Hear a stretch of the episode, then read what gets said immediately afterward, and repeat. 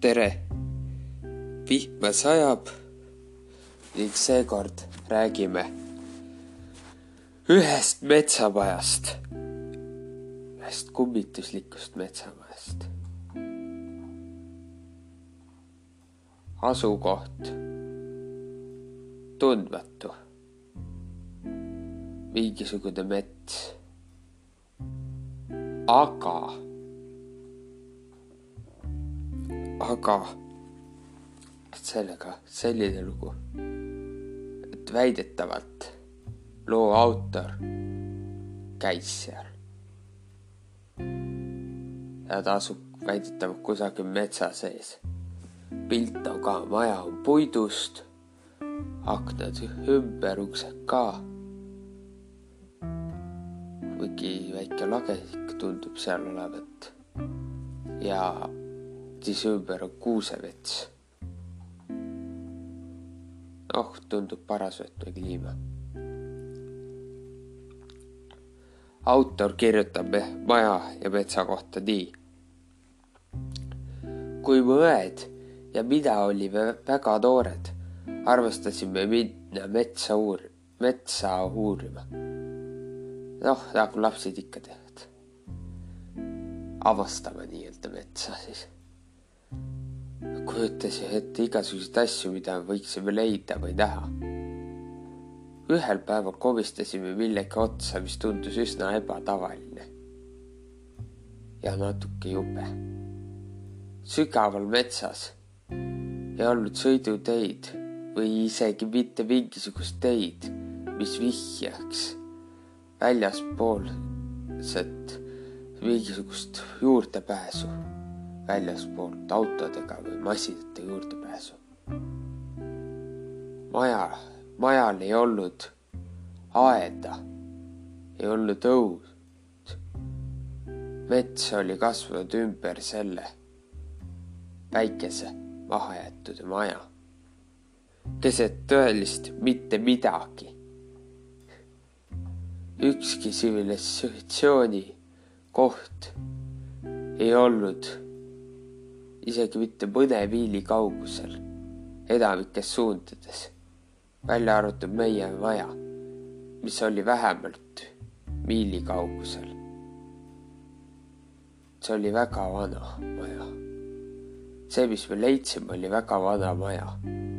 see oli kõik, mida me siis teadsime.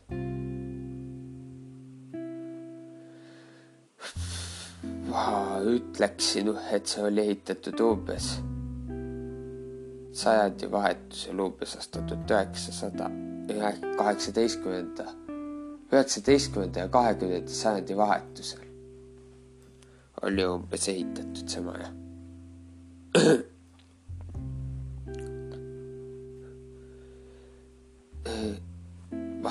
see oli ju vana, osaliselt maetud.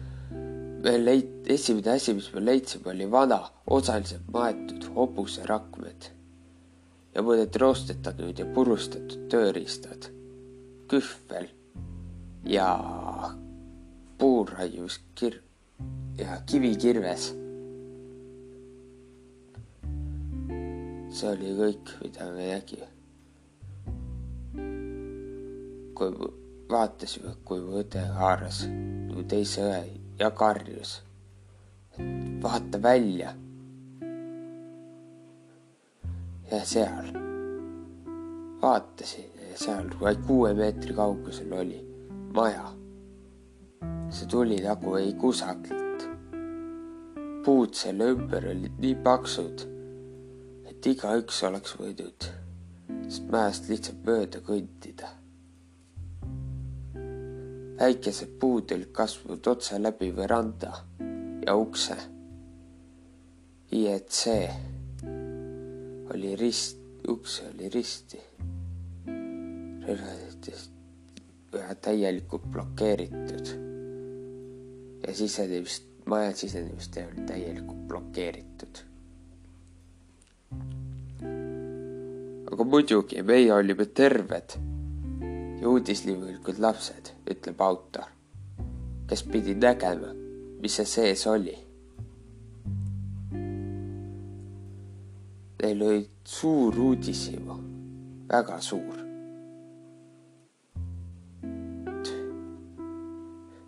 kuigi ümber see maja oli mingi hoiatus. Nad pidid siiski nägema. see maja, see on nii, et nad murdsid ära väikesed puud ja keerasime roostest nuppu ukse kõrval. nii palju kui suutsime ja kriks-kraks, kriks-kraks valjult. tegi, tegi raam valjult. andis nende püüdlustel, meie püüdlustel järel ja vastumeelselt. uks avanes. see ei olnudki lukus sees oleks nagu aeg seis, paigal seisnud. tolm ja mõnavõrgud sees, kuid tundus, nagu keegi lihtsalt tõusis ühel päeval üles, kõndis välja ja kunagi tagasi tulnudki. võib-olla umbes kuuskümmend aastat enne seda hetke ta seal. jälle ennustuse eelduseks on see, et kõigepealt vaatas, vaatas eetri väga vanavate maja sissepääs. seal oli isegi elutoas pliit ämbris, ämbris, ämber lähedal, kus olid söed valmis ärgistatud. ja kontrollis arvustust ja müüke selles sõid sõõtustega, aga siin oli olnud seal sada tuhat inimest umbes. troad olid väga vanad ja pidid olema tänapäeva standardite järgi seda väärtustatud. selle seinaplaatidel olid märgistused. Seal oli muster tuhmunud värvid ja kujundused.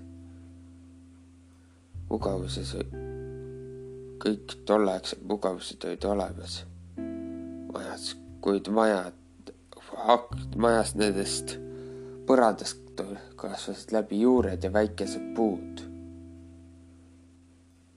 mõnes toas polnud isegi põrandalauda enam seal oli olnud umbes enam kui seitse tuhat inimest. lisavoodid, beebivoodid.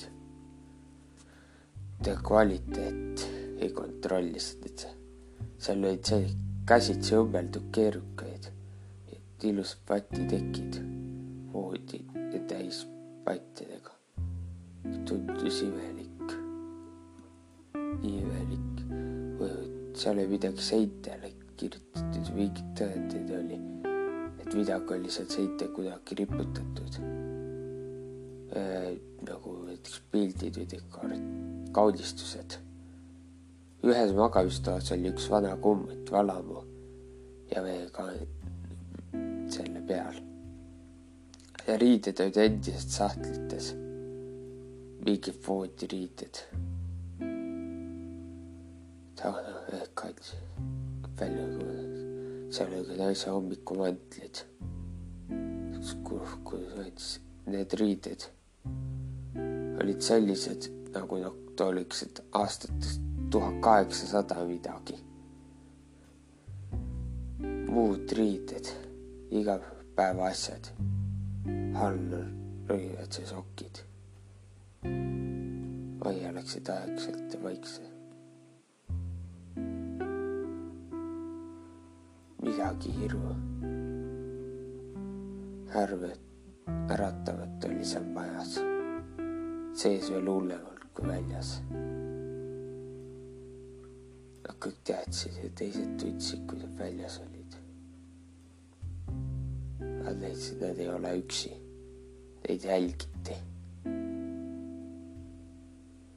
kuid sellest valjut rääkida ei julgenud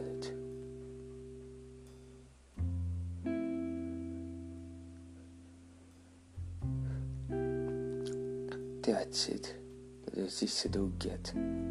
aga tol-, see tolm ja praht ainult ja puud, mis kasvasid läbi põrandate. ja keegi ei teadnud, kaua see oli niimoodi olnud.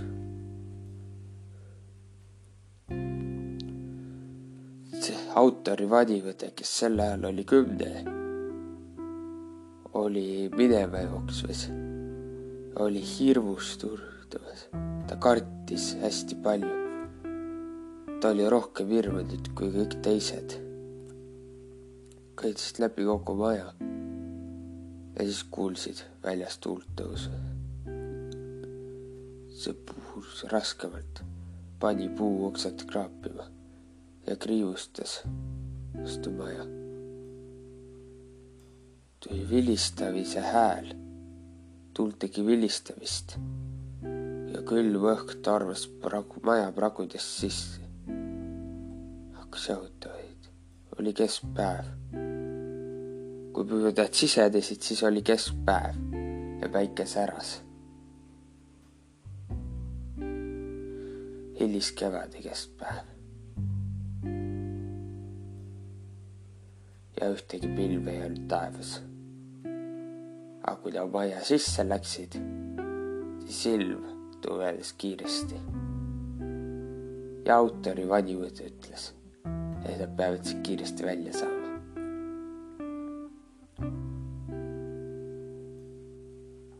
Nad jõudsid ukseni, mis tuulega hakkas vastu seina lööma ja mitte sulguma.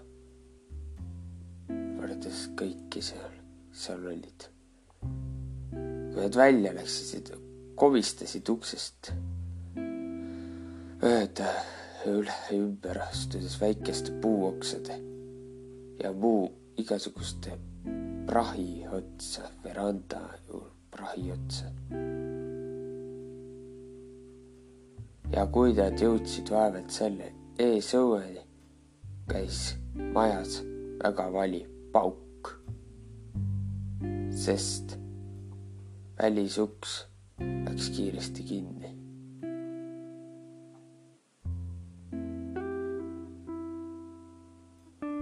Nad läksid, jooksid sinna suunda, kust nad tulid. metsa tagasi, tuledesse metsa. sinnasamma, kus äkki ilmus, tekkis torm. Kuid nad sattusid võõrasse metsa esialgu ja pidid väga palju metsas ekslema väga pikalt, et jõuda tagasi tuttava teele, tuttavale teele, hämarale igale ühele teele, kus nad ennem käisid. Nad olid juba hirmul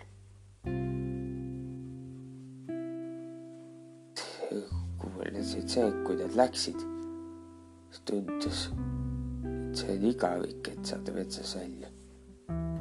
kogu teekond tuttava teeni tehtud, käis külm tuul nende juurest puust selja tagant, surudes neid kogu aeg edasi.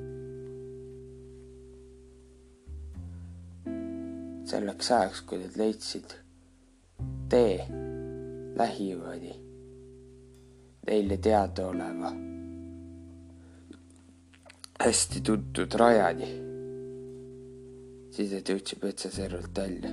tuult enam ei olnud, taevas oli jälle selge, ühtegi silm, pilve ei olnud ja ühtegi tilka vihma ei olnud langenud. maapind oli kuiv. Nad leidsid tee siis kuid see ei ole veel kõik. hiljem, samal suvel lõhkasid need jälle, leidsid nad, et peaks jälle selle maja juurde minema. Nad otsustasid, et seekord me sisse ei lähe. Ja nüüd vaatame ümbruskaunas, mida me sealt avastame. kujutlusvõime oli väga suur. Nad arutasid, et noh, kõik kardavad selles mõttes tundega, et neid jälgitakse mitte ainult uksest, vaid selja tagant ja torm tuli sealt. Et torm tekkis selle maja juurest. ja oligi ainult selle maja juures, ümber oli päikeseline päev. siis see kadus näiliselt niimoodi lihtsalt selleks, et neid välja tõugata ja minema ajada. kuid nad pidid lihtsalt tagasi minema. leidsid, et pidid tagasi minema. Nad tegid matka märkides mälu järgi kõik olulised märgid, maja ümbruses olevad märgid kaardil nagu kõik kaardid puud ja muud asjad. ja nad jõudsid lõpuks kohta, kuhu vana, oli maetud osaliselt vanad hobuserakmed, vanad roostest tööriistad kus nad olid kahekümne jala kaugusel, kõik oli seal. Ülekasvavad puud ja majajäädused, mis oli ära mädanenud aastakümneid enne. ja põledud ka. ja ta oli vaevalt nähtav. see maja seisis puud kasvasid läbi veranda. aknade pööbel, hiinenõud, kuud, sulgkoodid, tekid. kõik oli kadunud.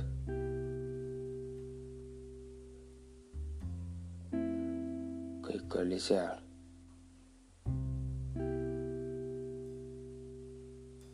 see oli peaaegu täielikult maetud aeg loodus nägid selgelt seal ära põlenud pliiti ja põlenud sütt, mis oli täpselt seal. kus varem oli elutuba, teadsid, et saavad sisse. ja siis nad tulid sealt hästi kiiresti tagasi. Tagasi läbi metsa koju ja rohkem pole seal käinud. majast oli jäänud ainult tuhk. kõik oli hävinenud. võimalik oli, sattusid portaali või? nüüd ma lõpetan. jah, tšau. midagi väga imelik oli selle majaga